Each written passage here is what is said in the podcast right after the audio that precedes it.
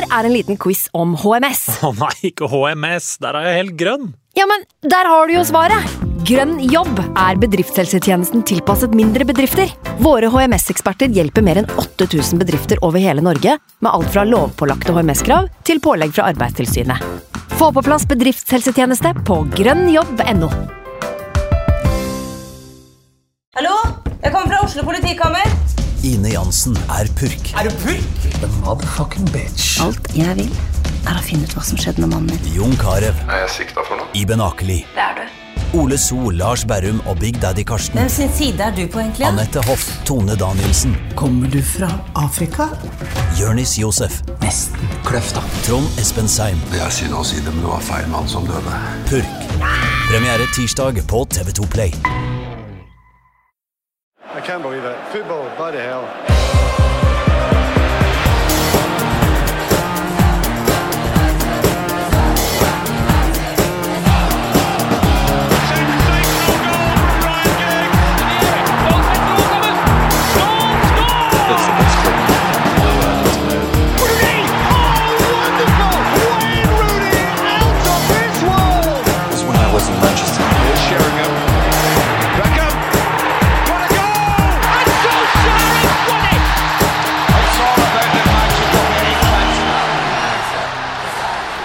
Uavgjort på Molyneux i sesongens andre kamp. Velkommen til United We Podcast. Mitt navn er Ken Vasenius Nilsen, og med meg i dag VGTV-sjef Martin Jøndal. Velkommen. Takk skal du ha. Halla. Kommentator i TV 2 Kasper Wikestad. Velkommen. Takk, takk. Og ikke minst grattis med Norwich tilbake i Premier League! Ja da, det, det funker, det.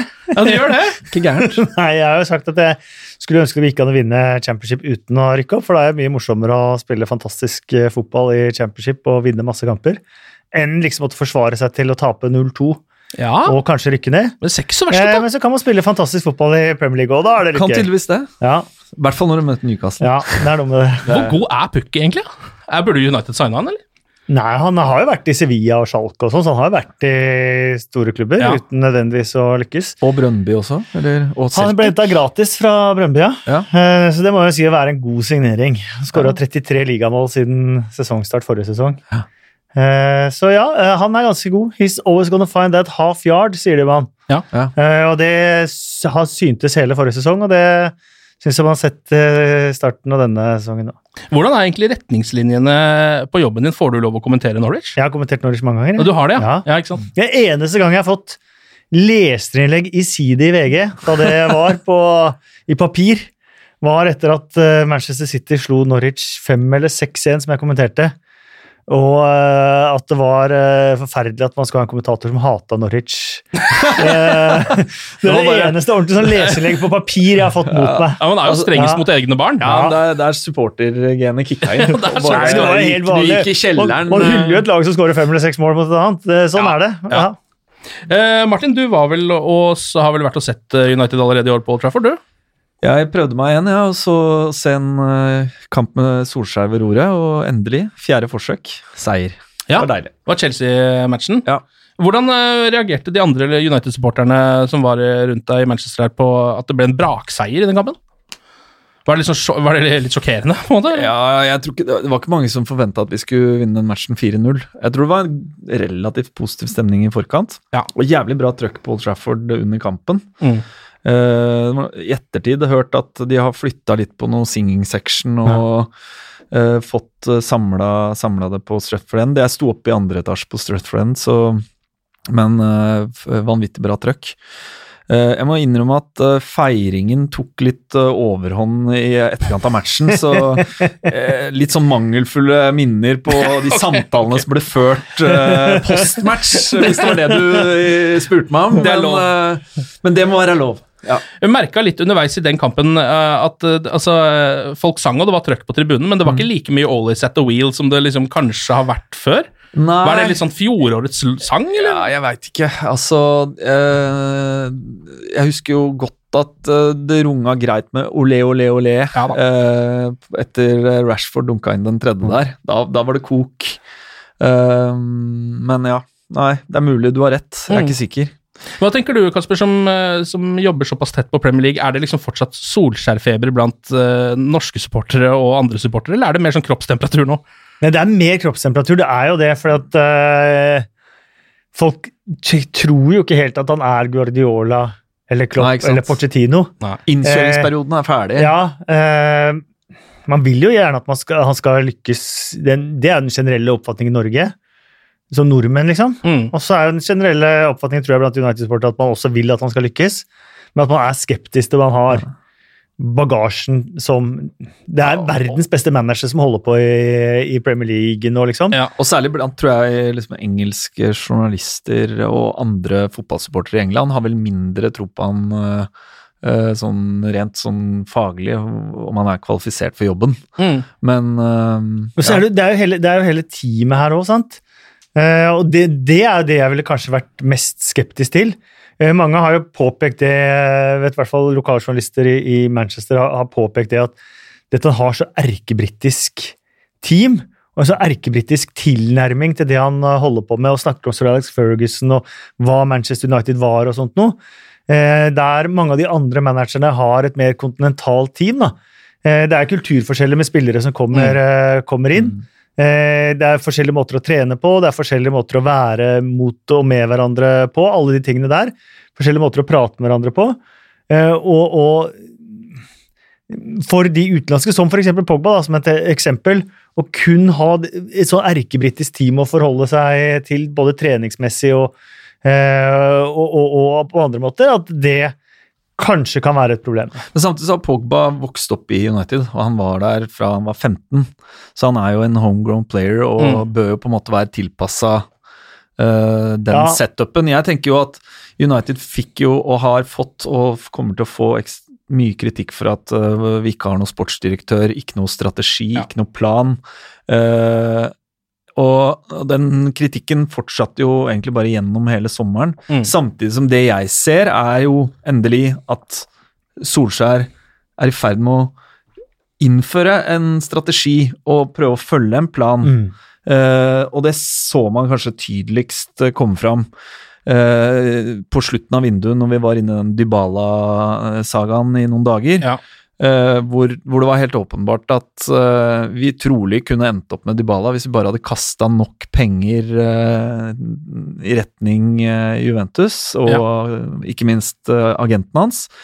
Men hvor på et eller annet tidspunkt man trakk seg ut av det fordi han må faktisk ville komme og spille eh, for klubben. Det er ikke bare å liksom kjøpe seg til det. Mm. det.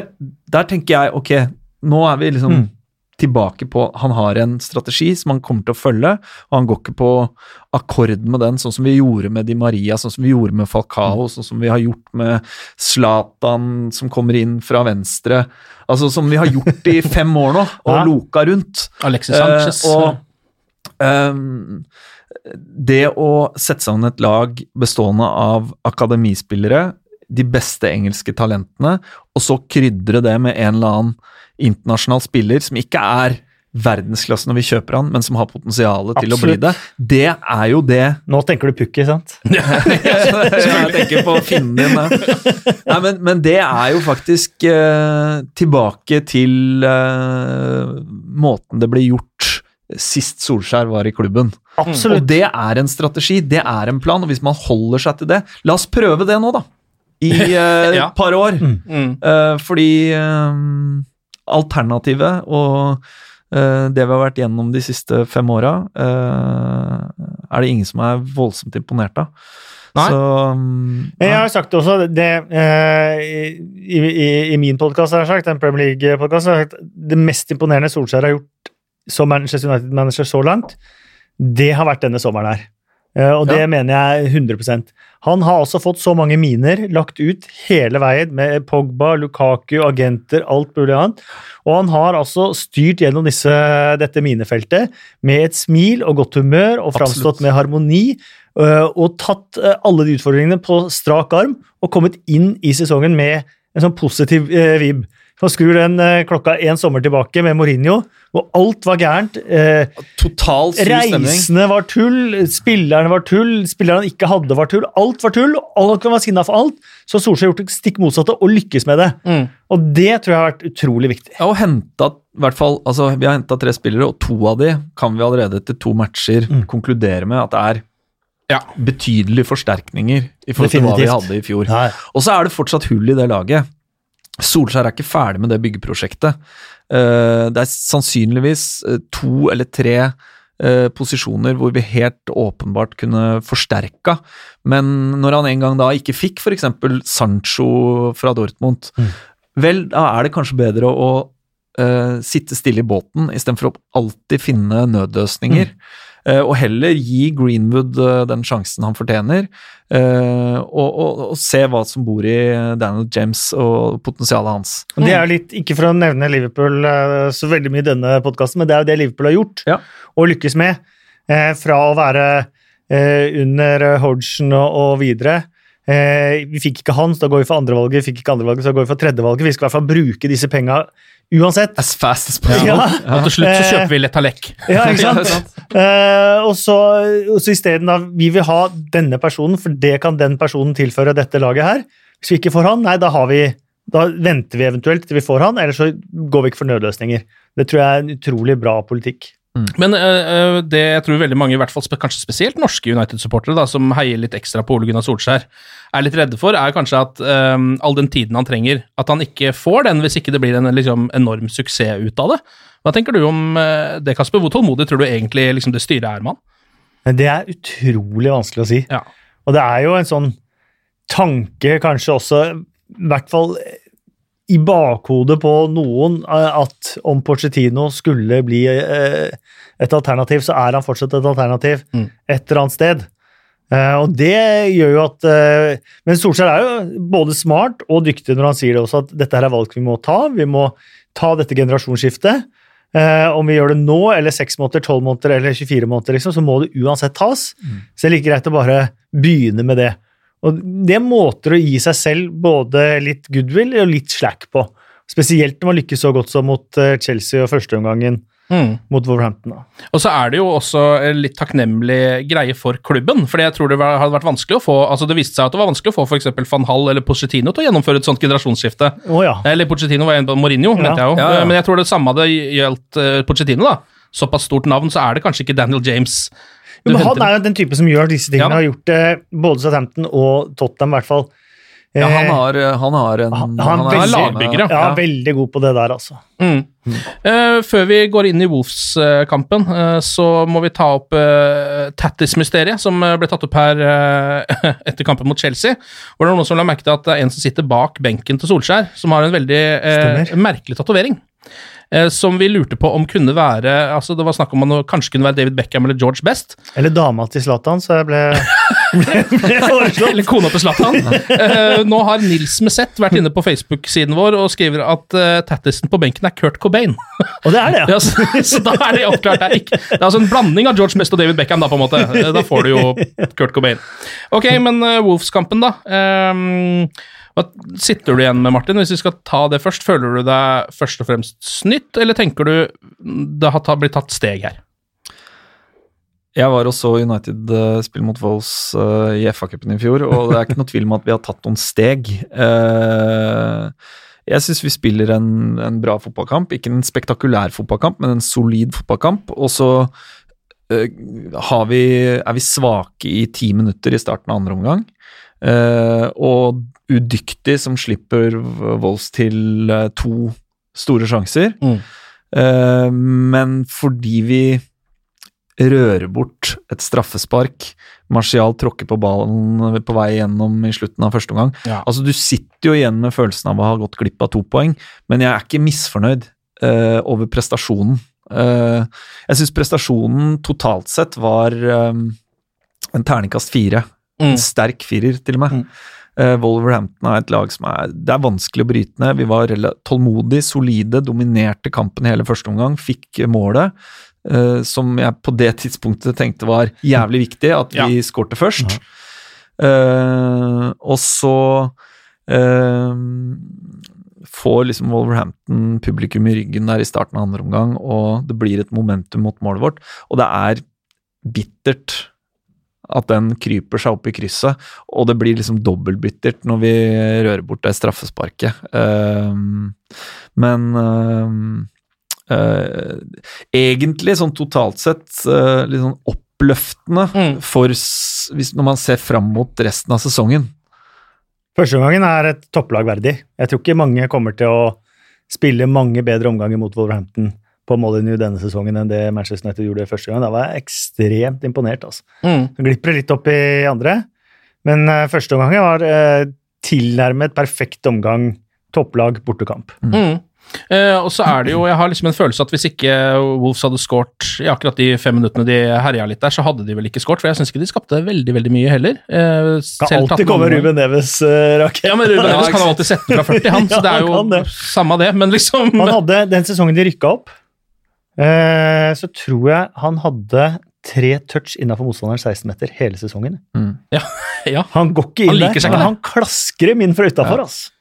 Helt Ja, men sjukt. Det er fordi det, altså Når jeg har sett det målet i flere repriser også, så er det liksom øhm, jeg, jeg ser ikke helt hvor, hvordan United skulle stoppa det målet heller. For det er ikke noen klare ikke noe- forsvarstabber Det er to Nei. centimeter fra Ja, en verdensklasseredning. Ja, den, altså han finner den ene lille åpninga uh, som det er mulig å finne. Eh, og så kunne de jo fint ha utligna rett før på det, denne headinga. Ja, men det føler jeg liksom Så- er samme momentum. Ja, de to. Det, er, det, det, det, liksom, det er i det, i det trøkket. Ja. Uh, så, så det er, jo, det er jo skuffende at vi ikke klarer å stå imot Uh, på en måte i, de fem minuttene, Ja. ri det av. Du merker det med en gang først andre omgang kommer i gang. Mm. Linga roter bort ballen der helt uh, ved avspark, og liksom publikum er up for it. Mm. Eh, Og så ser du at Wolves har gått ut der og bestemt seg for at de skal score med en gang. Altså Ja. det, det nå gir all energien i starten av Og så er, men så er det likevel også da, til Uniteds kred, eh, de får det 1-1-målet, og du tenker at ok, enten nå så Hadde dette Forrige sesong så ville dette momentumet Ja. bare fortsatt. Mm. Men da klarer vi på en måte å, raise, å, å skjerpe oss og, og få kontroll på ballen. Og vi er ikke like gode som i første omgang, fordi Wolverhampton er bedre enn de var i første omgang, og mer aggressive i presset. Men vi klarer likevel å ta kontroll på kampen igjen, og skaper jo da noen sjanser, et straffespark og et par andre ha- halvsjanser, som gjør at vi totalt sett burde ha vunnet. Um, så og du, det er jo noen positive svar der fra noen spillere og sånt også, som, eh, som lover bra, da. Ja, vi skal litt innom spillerne også. Jeg bare lurer litt på, hva, hva syns du, Kasper, om um, Altså, Er det svakt på en måte av Solskjær og, og United-laget da, å ikke være forberedt på det stormløpet som kommer med en gang andre omgangen begynner? Det er vanskelig å si, men det er sånn som skjer da. Ja. i hundrevis av av kamper. Selvfølgelig må man være forberedt på det, men i enhver kamp omtrent Så vil du ha per- League, så vil ja, du ha vil du ha periode. perioder hvor du er eh, under press. Ja, bortsett fra Millwall mot Fulham i går. Ja, der var det enveiskjøring. 86,6 ballinnehav. Uh, Fulham, ny engelsk rekord! Den ene skåringa. Involvert 11 spillere og 26 trekk. Ja, det har blitt Barcelona, nå. Det er rett og slett blitt Barcelona. Under Scott Park. Ja. Eh, bortsett fra Millwall i går, så vil man eh, oppleve det i enhver kamp, i hvert fall bortekamp, at du er under, eh, under bombardement i eh, i kortere eller lengre perioder. Og så må man jo deale med det. Men i, Eh, i, de, i de to kampene vi spilte mot Wolverhampton i våres, så var vi så jævlig naive i Mm. tilnærminga. Uh, og setupen til Wolves var helt lik som i våres. Altså, de ligger eh, dypt i en blokk i en 3-5-2, og det er helt åpenbart at de skal kontre, men med på en måte Pogba og Scott McTominay som cover foran stopperne våre, og med et tryggere forsvar, så det bare føltes mye mer komfortabelt hele veien. Mm. Uh, og så skapte vi ikke all verden i første omgang, det må jo sies, men vi var på en måte i total matchen kontroll Ja, over matchen. Mm. Uh, og det lover jo for så vidt eh, godt for, uh, for hva som skal komme, da. Uh, det er helt åpenbart nå hvordan Solskjær ønsker å, å sette opp laget, og det er relativt liten tvil om hva som er hans per nå uh, førsteelver. Um, så jeg klarte liksom ikke å sitte på trikken hjem fra Bohemen og være dødsskuffa over den prestasjonen. Nei, det, ja, det, det tror jeg er øh, flere United-supportere som tenker akkurat det, da. Mm. Eh, at det er jo tross alt um, Dette, er- det har, det, selvfølgelig, det har vært veldig deilig med tre poeng i kampen, siden det kanskje var fortjent. Men så er det et eller annet med, hvis man sammenligner med sånn det har vært tidligere, så er det såpass kraftig forbedring, føler jeg. Og kanskje spesielt hvis man ser på dette forsvaret, da. Det er jo der eh, forsterkningene stort sett har kommet. Um, Lindeløf og Maguire var jo mot Chelsea eh, en terningkast seks-duo, kan man si. Hva tenker du om innsatsen deres mot Wolves? Var kanskje ikke like trygt, eh, det man så der? Jeg syns det er bra, jeg synes det er bra, spesielt måten de bruker ball på bak der òg. Ja. Og så er det kult å ha en eh, nesten en sånn sikringsspiller som Wambi Saka. da. Ja. Eh, Han setter alltid inn taklingen, og han lykkes alltid med det. Gjorde han i Palace også. Ja. Uansett hvilken situasjon han er i, og uansett om eh, det er innafor eller utafor 16. Den taklingen setter han inn, og han setter den alltid inn til riktig tidspunkt. Det er morsomt. ja, det er helt fantastisk, faktisk. Ja, og faktisk, altså hvis man ser på liksom altså Det er helt åpenbart at Maguire har kommet inn og forbedra stopper, stopperne våre eh, voldsomt, men den oppgraderinga fra en rusten eh, Ashley Young på høyrebekken Ja. Uh, Til en med kommende landslagsbekk. og feilplasseringer og vært helt all over the place, til uh, Wambisaka, den er, den er stor, altså. Ja. Både defensivt, men, eller selvsagt defensivt, men også offensivt, Mm. syns jeg det er, det er en solid oppgradering. Se hvor mye det har å si bare med liksom eh, at man oppgraderer én plass, da. Eh, Sånn, sånn både defensivt og offensivt, så, så føler jeg jo at United plutselig har en høyreside. Det er jo ganske lenge siden de har hatt det. Har spilt så, har jo overbelasta venstresida nå i mange år. Jo, og jeg tror nok det skiftet med å dra Pogba over i den høyre midtbanerollen også er med på øh, å balansere laget mer. Fordi han er jo fortsatt øh, en mer skapende kraft på, øh, på midten. Og det gir han også muligheten til å slå de crosserne mot Rashford ned venstrekanten. Øh, jeg så ikke den komme, men, men det var tydelig allerede fra første preseason-kamp at det var en tankegang bak det. Øh, og så tror jeg øh, Scott McTominay det er, stor, det er en stor og viktig sesong for, for han. Altså, han er nå et førstevalg. Han uh, har vist uh, masse positive signaler og har åpenbart potensial til å bli en, en topp, topp, topp midtbanespiller. Men det er på en måte i år han må steppe opp og levere. Um, Men tenk deg i Manchester United-banen, bare tenkte jeg på i sommer. Uh, for det er, der er det tynt. Og det er kult med Scott McTominay, og jeg tror han kan bli veldig bra. Men tenk en eh, sentral midtbane der f.eks. sammen med Pogba så hadde du for eksempel hatt Declan Rice og Juri Tilemans. da. Ja. Hvis det var de to man eh, gikk for. Vår, da hadde du hatt et ganske komplett, uh, komplett lag der nå. Da hadde, Eh, du- da hadde du også hatt et eh, lag som skulle spille 4-3-3. Uh, og uh, det er jo et spørsmål om uh, Legger Solskjær om til 4-2-3-1 fordi han ikke har spillemateriale eller nok midtbanespillere, eller er det fordi jeg han faktisk ønsker å Mest mulig ut av Pogba. ja, Eh, det tror jeg og Pogba er litt eh, dypere også, og så Mhm. spesielt også når han har en mann ved siden av seg, så blir han både dy litt dypere og litt friere, og det tror jeg passer Pogba helt perfekt, så spesielt eh, mot eh, Chelsea da det åpna mm. seg, åpnet mm. seg litt, eh, litt opp, da. For Men jeg- som sagt, det er jo et, det er et prosjekt. Ja, og jeg, jeg, er enig bygging. at, jeg er enig i at uh, midtbanen er liksom bemanningsmessig litt tynn, uh, og tenkte, tenkte for så vidt også at uh, i løpet av sommervinduet så var på en måte det i hvert fall prioritet tre, da, etter Mm. høyrebekk og stopper. Ja. Eh, men i det øyeblikket han legger om til en 4-2-3-1, så blir også behovet for de sentrale midtbanespillerne Det, det er en plass mindre å dekke. Eh, og uh, jeg er ikke sikker på om det er så gærent hvis vi kan spille Fred inn uh, sammen med Pereira i uh, Europa League. Og skulle man få en skade på, på McTominay eller Pogba, så, så er begge de to kapable til å steppe inn Det vil jo vise seg, da. på midten. Det ser, ja, det ser tynt ut. Ja, Matic mener jeg kanskje er liksom Ironisk nok den spilleren som er bakerst i køen. da. Ja.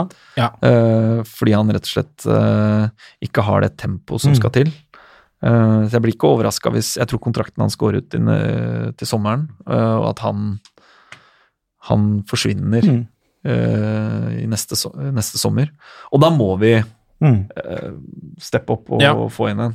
Eh, Det som bekymrer meg litt med å ha Pogba dypt i banen, er jo at sånn som vi ser mot Wolf, spesielt ikke så mye mot Chelsea, er at når han ikke er helt 100% påskrudd, så mister han veldig mye ball. Og plutselig så er det da rett utafor 16-meteren, og ikke Ja, ja. på midtbanen, sånn som det var før. Men det er jo risikoen med å ha en spiller som Pogba. Mm. Det er jo det at han tar de sjansene, men han er jo der også for å ta de sjansene og spille de litt mer kreative løsningene. Ja. Uh, hvis ikke så får du et fotballag som er totalt uten liksom, risikovilje og skaperkraft. Så jeg, Ja. jeg tenker jo at, eh, at, at det er det verdt, på en måte. Mm. Uh, og særlig når han har uh, Van Bisseka eller uh, McTominay rundt seg, som kan på en måte steppe inn og rydde opp. Ja. Og det, ja, han mista ballen et par ganger i farlige posisjoner mot Wolverhampton, men det ble jo ikke noen sjanser ut Nei, av men Det var fordi var Diogo i Shota sverma- fikk ballen hver gang, og han, er, han har ikke begynt å spille ennå. Han kommer etter jul, han, tror jeg. Han kommer etter hvert. Ja, jeg tror det. Men uh, vi må ta et par av de liksom, talking pointsa fra kampen som er de største. Det er jo straffesparket som det er det alle snakker om etter den kampen. Ja. Um, det er jo eh, Pog glimrende enkeltmannsprestasjon av Pogba. Får det straffesparket. Perfekt uh, tidspunkt for United å avgjøre kampen. Eh, og så går han jo bort og sier til Rashford at han har lyst til å ta det, og du ser at Rashford bare nikker på You wanna take it? Ok. Mm. Akkurat han- som Rashford gjorde mot Chelsea. Eh, Ja. Gikk bort til Pogba og spurte jeg tar det. Ja. Eh, Pogba har tydeligvis slutta med den der uh, skilpaddetilløpet sitt, så nå gønner han bare på og banker ballen mot Helt idiotisk med sånn, til, sånn tilløp som det der, vet du. Altså det sak, vanlig- sakte tilløpet. Nei, nei, det er vanlig tilløp. Ja, det er det. helt Ja, du idiotisk. må tilbake til Ja. det gamle tilløpet! Lære det, Jorginho i Chelsea, Ja. som har den derre skippet Ja. sitt. ja, det ser jeg så spesielt ut. Um, jeg så Lyle Taylor for Charlton også i helga, og han var en helt ny variant av den gå-varianten, for han gikk virkelig. Å ja. Slentra på Hele sånn vanlig veien. måte hele veien. Ja, Skårte av? ja. ja. Ja, da er det ja, greit, da. Ja, ja. Men da tenker jeg sånn Ok, dette er jævlig irriterende. Det er det første man tenker. Mm. Bare liksom Faen. Eh, Og så, samtidig, når engelske journalister eh, på Twitter etter match og i avisene dagen etter melder om at dette er et tegn på liksom et ledelsesproblem, både fra benken og fra banen osv., Mm, mm.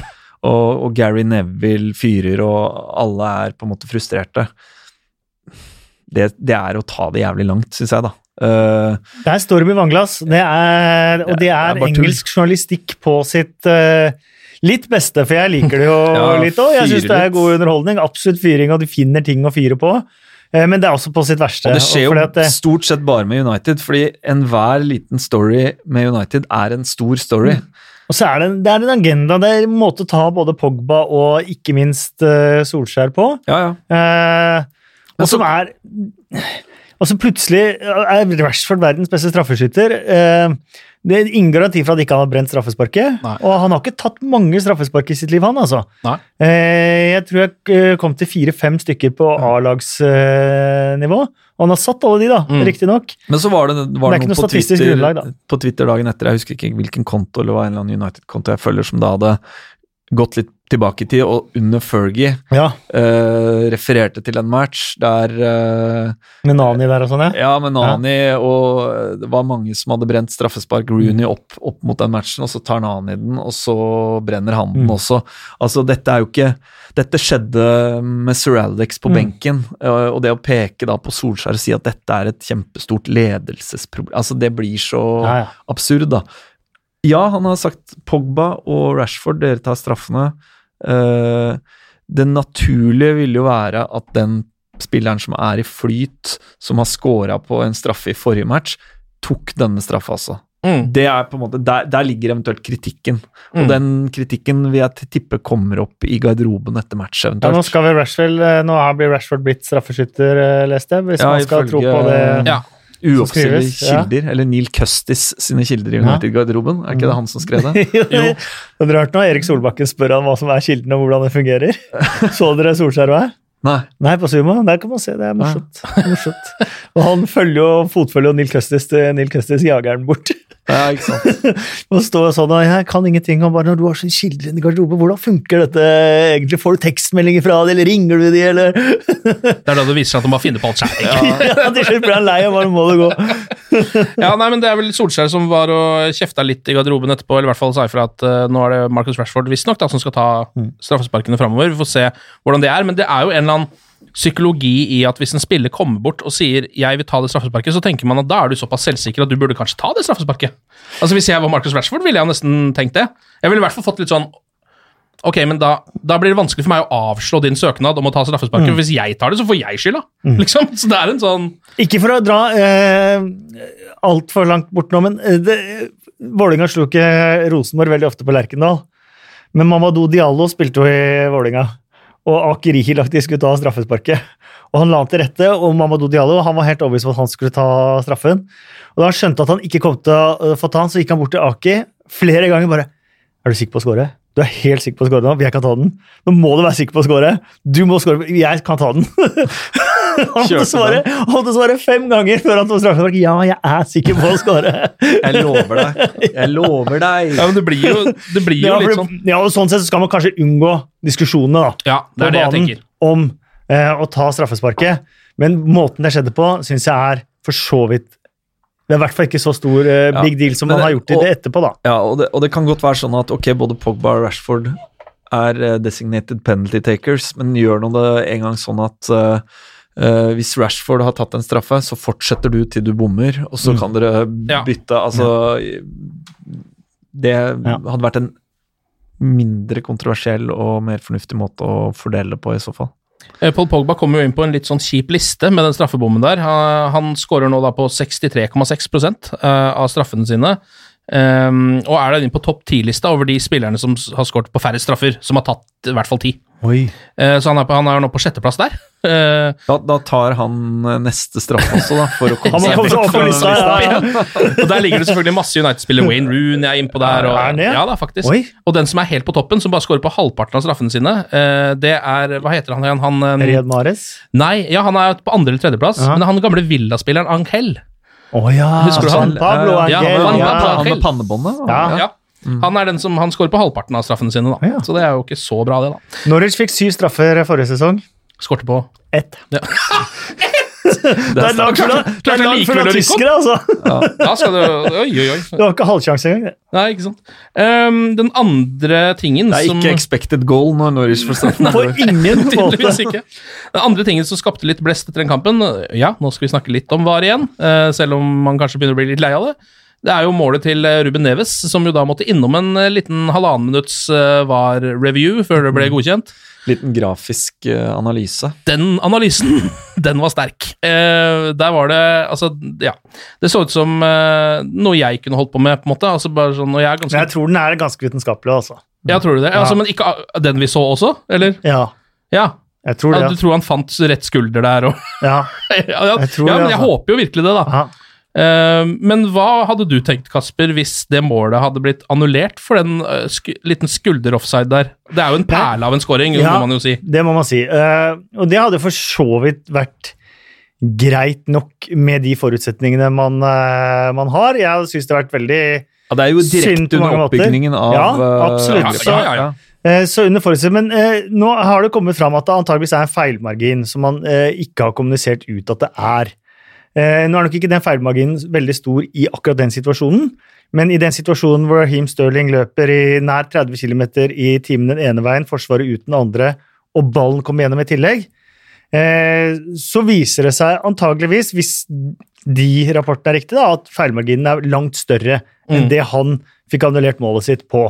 Og det er jo litt synd. Mm. Eh, også, men tid er jo in of the essence, er det det heter. eh, og det, det er det jeg mener med, med, med dette her, er at eh, man kan ikke klage over at oi, han var bare en centimeter offside eller ikke. For før så ble man avvinka hvis man var en halvmeter onside, Ja. og man ble ikke avvinka hvis man var en halvmeter offside. Det skjedde, dessverre, Mm. innimellom før. Så det blir veldig rart å skulle endre offside-regelen nå fordi at den gir seg det utslaget. Men eh, jeg mener jo det at i hvert fall hvis det er en bitte liten feilmargin her også, så mener jeg det at hvis du ikke klarer å se i dette rommet her med strekene dine om det er offside innen f.eks. 10-15 sekunder, la det gå. Ja. Så det er og en tidsbegrensning. Ja, for, ja, for det er jo det da som er det i så fall så marginalt Mm. at det har du, At det er oppnår, som happ, du oppnår ingen fordel med det heller. Nei. Så hvis du ikke klarer å se yes, her har vi streken der, vi klarer ikke å se om det er offside med en gang, da la det gå.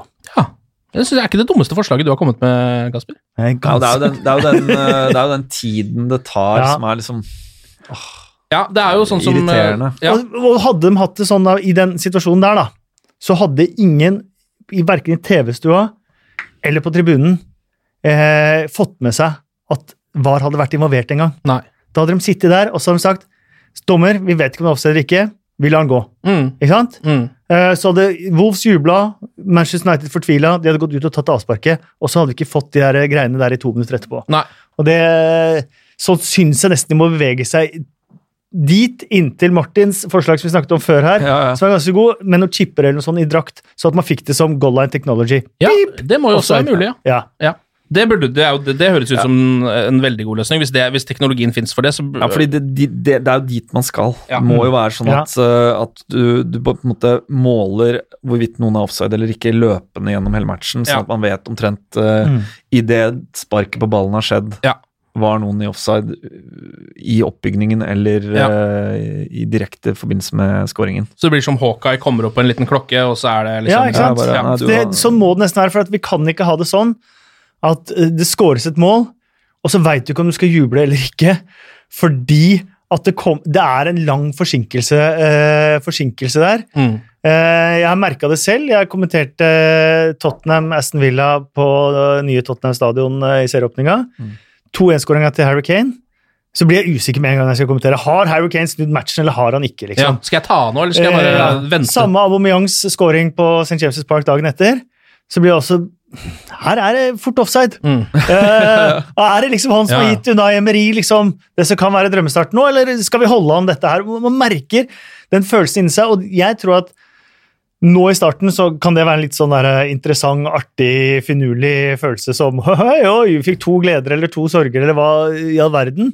Eh, Etter hvert så vil dette utvikle seg til at man alltid har en reservasjon. Ja. Eh, Jeg med, eller fikk melding fra et par Liverpool-supportere som var sikker på at de kom til å finne et eller annet med Manés scoring da han scoret, banka han inn fra, fra 17 meter. Ja, ja, Mot ja. Southampton fikk sånn Ja. følelse Nei, den kommer sikkert til å annullere for et eller annet, liksom. Men jeg har allerede uh, fått den følelsen, så mot Chelsea for eksempel, da Pogba uh, kjører en 30-meterspasning på Lissa til Rashford der, Mhm. som er jo er nesten offside. Eh, Så idet United jubler noe voldsomt nedi hjørnet der og kjører sånn group hug og sånn, så uh, tenker jeg hjemme Ikke drit dere ut, gutta! Slapp av, dere må vente! Her blir garantert annullert! Nå må dere vente med å juble! Men så ble det jo ikke det. sånn vil vi ikke ha Vangst. Ja, det var angst. Var angst, angst. Fått. Vangst. Ja, sånn, og sånn vil vi ikke ha det. Nei. Sånn vil vi ikke at fotballen skal være. For at noe av det vakreste med fotballen er det pure og rene gleden i øyeblikket. Ja. Det er noe av det fineste vi har i fotballen. Ja. Uh, og det fikk vi bare ved å ta blikk på linjemannen før. Mm. Og kanskje i én av hundre tilfeller så gikk dommeren ut for å diskutere med linjemannen, Ja. og det, det var liksom var situasjonen før, da. Du ser det ligger som en refleks hos uh, angrepsspillerne fortsatt. De ser bort på linjemannen ennå, etter at de har skåret, å og, og de stoler fortsatt på han. Ja. Det synes jeg er så bra. Yes. Selv om de vet at det er tungt flagg og hele greia der, så er det bare Ja, det er mål! det! Nei da, det var det ikke. Nei, så det, det, det, det syns jeg er trist. Så, så, så, så et eller annet syns jeg man må gjøre, gjøre der, altså. Ja. Det er- Det er forbedringspotensial. Det er det, altså. Det, det kan vi Men være nå har de gitt oss et tiårsperspektiv, og det syns jeg ikke høres spesielt lystig ut. Ti år! Ti år! Du må gi oss ti år, så skal dette her bli bra, Så liksom. det bli bra. Eh, og Ja, det det er- ikke jeg helt med på, ass. Da har vi jo slutta med det igjen, sikkert. Om ti år. Da er det noe annet. Det er noe annet. Da har vi chippene til Martin. Ja. Forhåpentligvis. Og selvkjørende biler og litt annet. Og hvor blir det av flyvende skateboardet? Eh, byttene til eh, Ole Gunnar Solskjær eh, på eh, 1-1 når United eh, jager, kommer veldig seint. 81. Det kommer seint, og det er kanskje den eneste Eller som, bortsett fra straffebommen og det faktum at vi ikke klarer å stå imot press i fem minutter, så er det det eh, Kall det minuset slash eh, den lille bekymringen sånn videre i sesongen. Eh, Det blir jo fort sånn at eh, etter to kamper så må man ha det perspektivet på ok, hvordan påvirker dette oss i de neste 36 matchene. Men vi har jo ikke lenger noe særlig impact-spillere på benken som kan komme inn og snu et kampbilde. Altså eh, Det er ikke det at jeg savner Fellaini voldsomt, men, men uh, Greenwood han er 17 år gammel. Ja. Uh, og selvfølgelig, han kan ta fyr på et eller annet tidspunkt i løpet av sesongen, men å, å, å på en måte At han skal være en slags sånn plan B, det er, det er en tungt ansvar å legge på hans skuldre. Og Mata Ja. Uh, kan sikkert være nyttig i enkeltmatcher eh, i løpet av en lang sesong, og, men han tror jeg primært er eh, en bra fyr å ha i garderoben. Ja. Eh, og på en måte sette et eksempel for yngre spillere, og på en måte han er en oppegående, smart fyr. Eh, så det ser jo litt tynt ut, da. Mm. Og, Så du tror det er derfor han venter såpass lenge, fordi han har rett og slett ikke noe som Ja, det pluss at det fungerte jo ganske bra. Altså, Ja. ja, jeg tror det byttet hadde kommet kjappere hvis uh, La oss si uh, Pereira hadde starta og Daniel James hadde sittet på benken. Mm. Så hadde Daniel James kommet på før mm. enn det Pereira gjorde Ja. nå. For han er jo impact-playeren, men han starta jo. Ja, ikke sant. Ja, Eh, eh, så, så der har vi Der er vi litt uh, er litt tynt litt tynne, rett og slett. Ja. Det som er litt sånn skummelt som en så, så 17 år gammel spiss også, er alle disse, hvis man får mange sånn 5-10-15-20 minutters innhopp, Mm. og man, det er vanskelig som en spiss å komme inn på som skal score et mål. Eh, og hvis det tar lang tid da, og kanskje han får én eller to store sjanser man brenner der da, Mm. så vil de innhoppene etter hvert kanskje bli et problem for Greenwood, framfor å bli Men eh, Men så Ja. kan det, det kan gå motsatt vei også. Ja, altså, kan og der, og der score setter jeg liksom litt min lit til Europa League, da. Mm. Jeg tror at det er i Europa League Greenwood skal få de fleste minuttene sine, i hvert fall nå i høst. Uh, og det er der han eventuelt kan få muligheten til å liksom komme i gang. Og hvis han scorer litt der, så er det lettere å starte med en hjemme på Old Trafford på en Mm. lørdag klokka fire mot et lag Mm. som ikke er topp seks. Definitivt. Uh, så, det, så det her Jeg har må veldig tro på han. Altså. har Det er han jo- bare, akkurat ja. det med spisser og den der Ja, innhoppseffekten ja, ja. har man sett eh, mange spillere Ja, det er, ikke, det er ikke nødvendigvis sånn med. du driver liksom spillerutvikling, men jeg Nei. tror han kommer til å få masse sjanser i, ute i Europa League. Er det mandag trekning her? Hm? Er det mandag Ja, europatrekning? jeg tror det. Ja. Jeg tror det faktisk. Gleder dere dere, eller er det sånn der, ja, nei, jeg gleder meg Eller jeg, jeg, Kanskje på Celtic, nei, det altså, Jeg er spent på trekninga fordi jeg har lyst på en Euroway til en eller annen Celtic hadde vært perfekt, da. surrete by. Ja, et, Mer surrete? Bilbao er de Du vil helst til Tbilisi altså. Eller noe sånt? Er det ikke det du... Nei, jeg veit ikke. Uh, nei, kanskje ikke så Nei, men hadde poenget er- er finalen i Baku i, mai. Det er, er, det er poenget at det er, så, det er jo jævlig vanskelig å, å få billetter til Uniteds bortekamper mm. i. Europa i utgangspunktet, for du må søke via den engelske supportklubben, Ja. og når de er i Champions League, så er det kjørt, fordi Mm. da er det, det er jo en sånn loyalty-pott basert på hvor mange tidligere bortekamper du har vært på. Men den eneste måten å på en måte komme inn i den uh, Det rullet er å få til liksom. det er å få et eller annet som fucka langt unna at eh, eng engelskmennene ikke orker å reise Ja. dit. Så for, forrige Euro Ain jeg så, var liksom i Moskva, eh, men da fulgte jeg ikke opp etter det. Ah, så nå må du følge opp, da. Må være bedre på å følge opp. Ja, typ eh, Ta den store Østeuropa-turneen eh, utover høsten. Ja, men det hadde vært, eh, det hadde vært uh, morsomt men hvis de åpner på et uh, gudsforlatt sted. Så Ja. man kan Her har vi han ene som håper Ludo Goretz og Dynamo Tbilisi. Ja, og så har jeg Celtic på Celtic Park. Ja. Så du på en måte du drar til Bloksberg for å på en måte komme på Celtic Park. Det hadde vært moro. Ja, Ja, Så lenge. Europaligaen ikke kommer så mye i veien for Premier League, som jo er det jeg bryr meg mest om, det må man jo innrømme som United-supporter, Ja, ja. så gleder jeg meg litt det. Var veldig gode opplevelser Ja. med det fra, fra Jo, forrige tror- run. Og vi kommer jo til å spille Jeg tror Solskjær kommer til å han kommer til å prioritere det, men han kommer til å, han kommer til å prioritere å på en måte bruke stallen. Uh, jeg tror vi kommer til å få se Gomez og, og Chong og- Chong og Mm, Greenwood. og Ja. Og, og, og til og med kanskje James Garner får Mm. i hvert fall en benk. Uh, CB.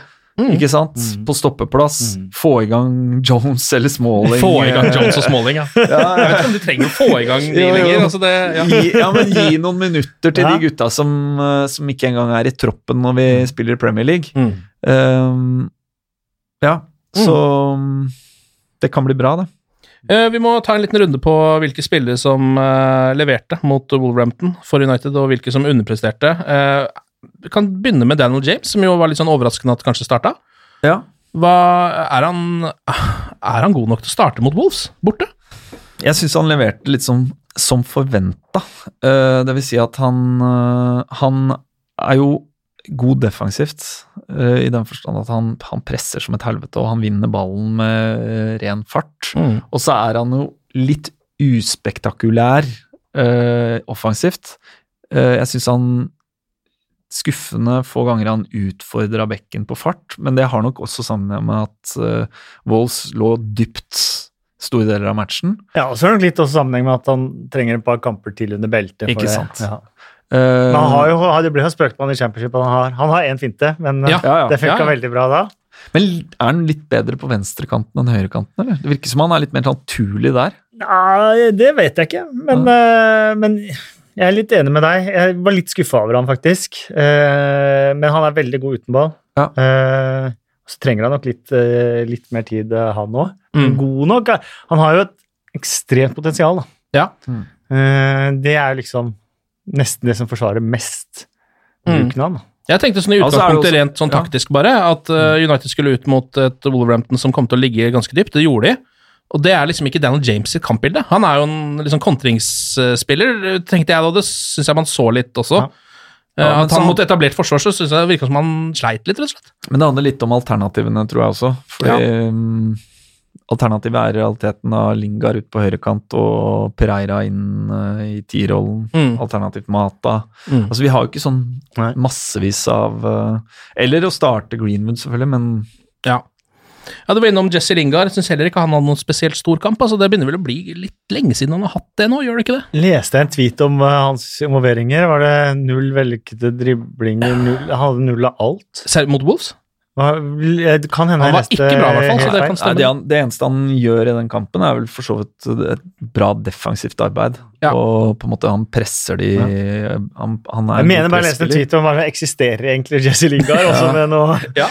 Ja, du, er jo, du er jo på en måte innom to posisjoner som definitivt United kan kunne forsterka i sommer hvis de riktige spillerne hadde villet komme og vært tilgjengelige. Ehm, og som man definitivt må komme tilbake til eh, i, eh, i eh, neste transfervindu. Høyrekant og den tierrollen, gitt at man skal fortsette i 4-2-3-1. Mm. Uh, på papiret nå, de to posisjonene jeg syns vi er svakest uh, dekka opp. Uh, med på en måte mm, den sentrale midtbanerollen til McTomney som er et uh, tredje svakeste plass, da. Mm. Uh, så eh, vi er avhengig av at, eh, at Lingard finner fram den formen han var i når han scora bort mot Watford og fulgte opp bort mot Arsenal. Ja. desember. Ja, ja, det er lenge siden. Det Han har, lenge har vel siden. null poeng, målpoeng nå to år på rad, bortsett fra desember. Ja, det var noe, ja, den Ja. så jeg. Den, eh, den, det, er, det er jo ikke en god statistikk, når du, særlig ikke når du skal spille liksom, offensiv midtbane. Ja, god i, i desember og fotball-VM, han. Det er det glad, han i, glad i julemat. ja, Men han, han jobber i hvert fall Ja. og løper uh, mye og er jo bidrar defensivt. ja. Eh, noen, noen dere syns eh, leverte ut på der, da? Antony Marcial har jo en ganske god kamp. Ja, jeg liker, liker det jeg ser fra Martial i den ni-rollen. Bare bevegelsen hans, eh, steget eh, Syns nesten Er- det virker som han også er bedre til å ta altså til å holde på ball, ja, når han slipper å utfordre så mye som han ja, må gjøre på han, han er god på små flater. Han, er, Ja. har, han Ja. har Altså, det målet var jo på en måte litt sånn Jeg fikk Aguero eh, Ja, absolutt, ja. Så er han jo eh, Han mista jo nieren til Zlatan Mm. og fikk den tilbake. Men jeg, det innså jeg etter uh, skåringa mot Chelsea. Jeg tror det er første gang jeg har sett han smile. Ja, ja. Jeg synes Han så litt rar ut da han smilte. Så han, er, eh, han så ut som en helt annen person.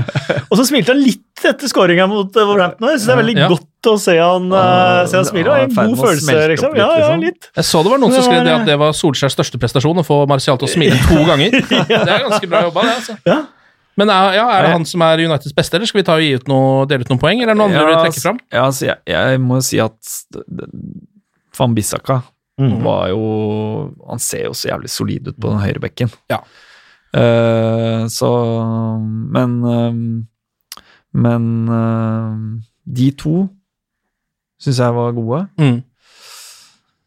Tredjemann det det er litt mer åpent. Jeg vet ikke om du jeg syns det var, spesielt første gang, sånn, så eh, generell, god og solid innsats fra så å si alle. Mm. Kanskje litt sånn, bortsett fra Daniel James, som er litt sånn opp og ned gjennom hele kampen. Ja. Eh, stoppeparet har vi jo vært innom, eh, innom også. Eh, Luke Shaw syns jeg gjorde en eh, veldig god kamp. Ja, hadde noen bra offensive- venstrebekken. Ja, involvert i skåringa òg. Så Mm. Har du lyst til å dele ut noen poeng? Tre poeng til Uniteds beste, to til nest beste og ett til den tredje beste. Hvem av dere har lyst til å starte? jeg kan godt gi tre til Martial.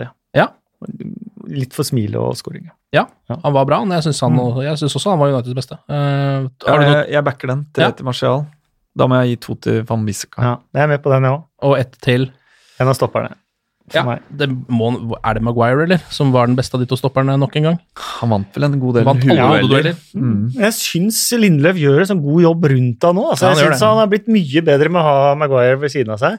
Han har blitt så mye tryggere med ball, og han eh, sikrer de gangene liksom Maguire er litt i trøbbel. og Ja. Altså, det, er helt, det er helt rått å se på en måte utviklinga av Lindløf fra et par av de der første kampene Ja. der han var liksom helt Huddersfield-kampen. Ja, han var så på dypt vann. Mm. Og du bare Han var helt ute Du bare Hva i all verden er det vi har kjøpt her?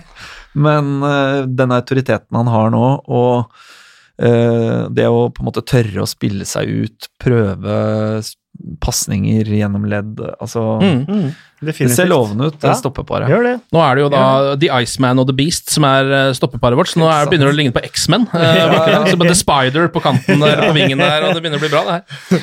Eh, Pogba ble altså utsatt for rasisme på SoMe eh, etter straffebommen eh, mot Wolves. United skal visst i møte med Twitter for å prøve å kanskje skape noen retningslinjer eller noe rundt dette her. Eh, Det er jo en forferdelig trist historie, som jo slett ikke er enestående heller. Det samme skjedde vel med Tammy Abraham, da han bomma på straffe i den superlige Og det skjer med spillere som spiller for eh, fra eh, Newport Accrington og, og oppover. Det er Mm. Ja. jo det som er Og det er jo en trend i samfunnet som er helt utrolig kjip. Og jeg tror jo alle samfunn på mange måter av hva som er akseptabelt, ikke styres mye ovenfra og ned.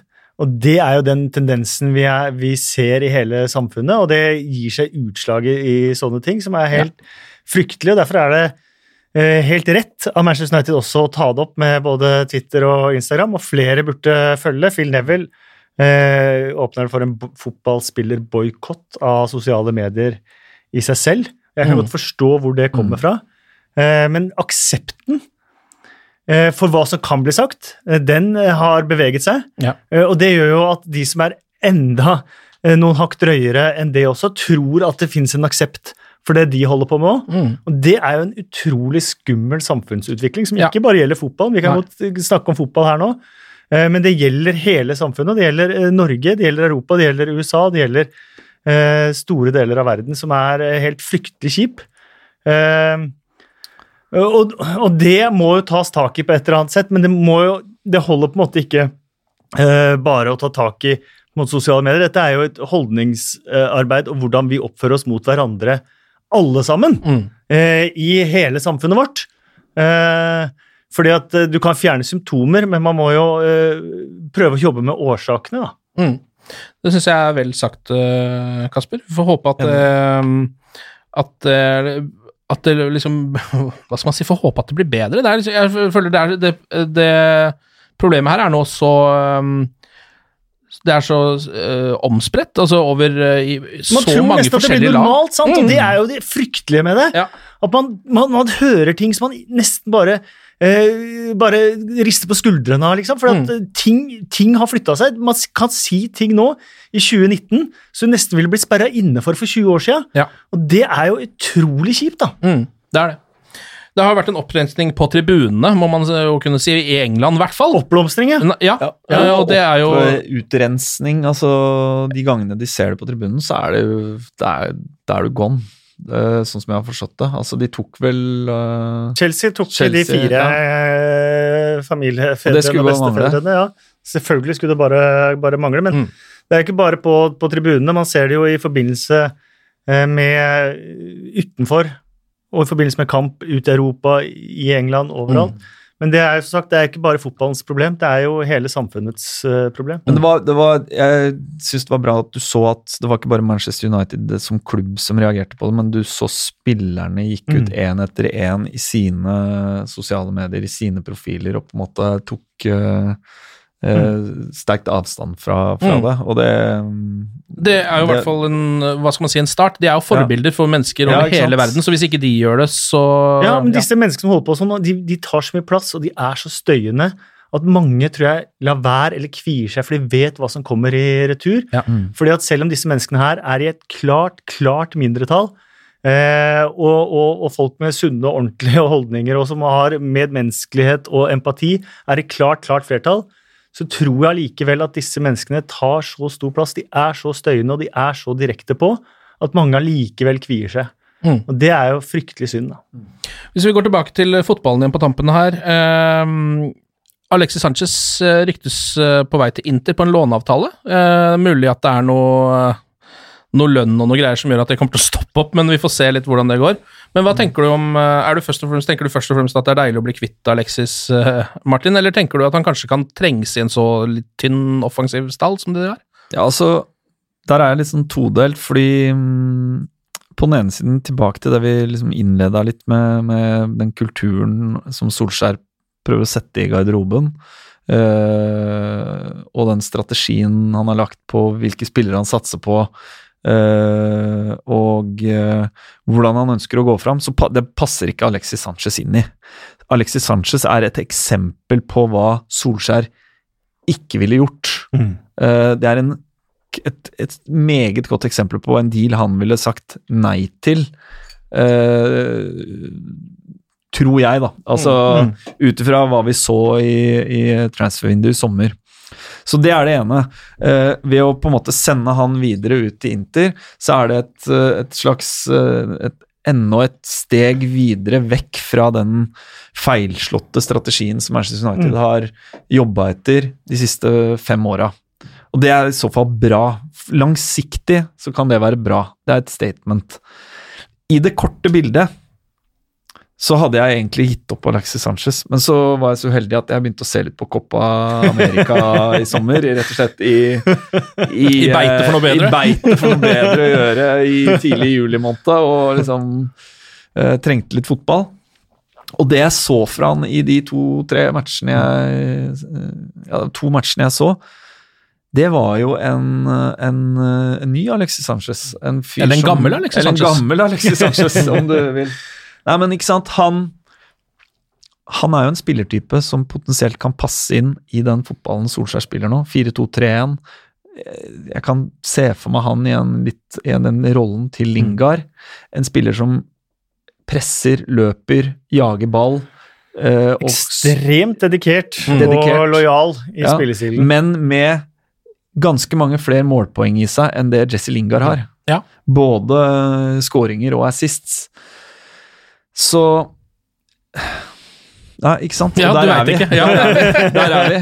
Eh, skal vi Altså, vi har Ja. sittet i dette podkaststudioet tidligere uh, flere ganger og tenkt sånn Ok, én siste sjanse, én siste Ja. sjanse, og uh, de fleste har nok by now gitt han opp fullstendig, og muligens har trenerteamet gjort det. Men det er ikke noe klart Det er klart at vi, vi er ganske tynne offensivt. Ja. Eh, og hvis vi får han i gang, så er han en spiller Mm. som kan skåre 15 mål og slå 10 assists. Ah, ja. Han Ja. har vist seg å være verdensklasse tidligere, han. Ja. Så det, ja. Og jeg vet ikke, han er jo ikke eldre enn Aguero. Nei. Så Jeg kunne nei. godt tenkt meg å beholde han ut sesongen, fordi det føler jeg United har veldig lite å tape på. En lån er liksom uansett altså Det ja, er men av vi en psykologien i det, da? Eh, Nei, men det er jo det, ikke sant? Ja. Psykologien, den sportslige strategien, det å få den, kall det opprensninga og det taktskiftet mot en ny, en ny plan. Hvis man, skal legge det, hvis man skal legge mest vekt på det, det langsiktige, så er det like greit å få han, få han vekk.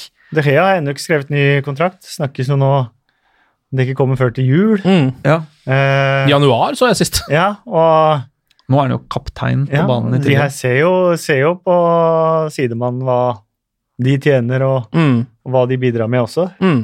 Ja. Nei, det er jo et godt poeng, det. Crystal Palace er neste motstander eh, hjemme på Old Trafford på lørdag. De har ennå ikke skåret uh, i Premier League eh, denne sesongen. Ble jo et tap for Sheffield United i uh, ligaåpningen, og så er det vel 0-0 hjemme mot Everton nå sist. Van Bissaka mot sine gamle kompiser. Omvendt, ja. Ja. omvendt var det selvfølgelig. Ehm, men eh, det ser ikke veldig bra ut, det Palace har kommet med til nå. Eh, nei, det, den Sheffield United-kampen, det, Det det, var- var, det, var, nesten pinlig. Ja. Det var uh, noe av det mest tannløse jeg har sett nesten noe. Jeg ble sjokkert, nesten. Ja, og Man kan vel ikke akkurat si at de har fått i gang Saha.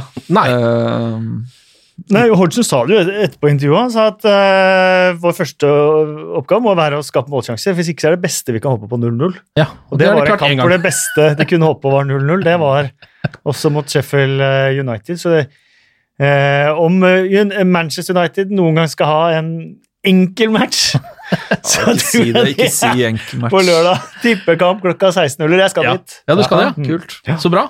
Eh, ja, men det må, jo, eh, altså det må jo bli tre poeng, det der, Martin. Det kan ikke være noe såpass Ja, det, det ville vært en voldsom trøkk i trynet hvis ikke vi vinner den matchen. Ja. Og da Ja, det jo Det fortjener vi ikke nå. sjelden, sjelden store favoritter, faktisk. Ja. Ja. Og da har jo er det vel en, eh, kommer vel en landslagspause etter det, gjør det ikke det? Så vidt jeg kan huske. Nei, det er en runde til. Nei, en en eh, runde til. Ok, vi skal, vel- skal, Ja, skal vi til. Southampton? Ja, det kan stemme. det. Altså, Det Altså, var en runde til før uh, landskapspausen, men nå ble jeg usikker når du sa det du sa. Da. Fankeren, så ødelegger hele greia der. Ja, ja, nei, men det, det, det finner vi ut av, gutter. Det finner vi ut av. Dette, dette løser seg. Martin og Kasper, tusen takk for innsatsen. Jo, jeg så Lukaku hadde valgt en annen podkast, så, Lukaku? ja, Prater ut. så da fikk vi komme hit i stedet. Ja. Ja. Ja, hva er det han har Jeg har ikke hørt det. Hva er det han har, har han meldt? Uh... ja, han meldte litt på Solskjær der. Ja, han gjorde det. Hva sa han, da? Husker du det? Ja, han sa at han eh, Det var ingen som gikk ut og forsvarte Ja, ingen, ja. Uh, fikk ikke kjærligheten han uh, hadde Nei, håpet på. altså. Jeg har litt vond følelse for hele det Lukaku Eller hvordan det endte. Men uh, sånn er Jeg det. tenkte du hadde vært veldig på på Lukaku der. Altså når det ah, akkurat glapp, så. Ja. ringte du oss. ja. Ikke sant? Å Ja, han du, du skulle ha det intervjuet, men Ja, du gadd ikke å dra til uh, Milano, Milano for å det. Så vi spiller mot Southampton uka etter. Uh, Vi gjør det, ja. etter- Og så er det landslagspause. Da var alt på plass. Så gutta. Tampton også veldig veldig god motstander å møte nå, tror jeg. Altså. Ja. Ikke jinx det for oss nå, Det dette kan bli veldig bra. Ok, gutter. Tusen takk for innsatsen. Glory, glory.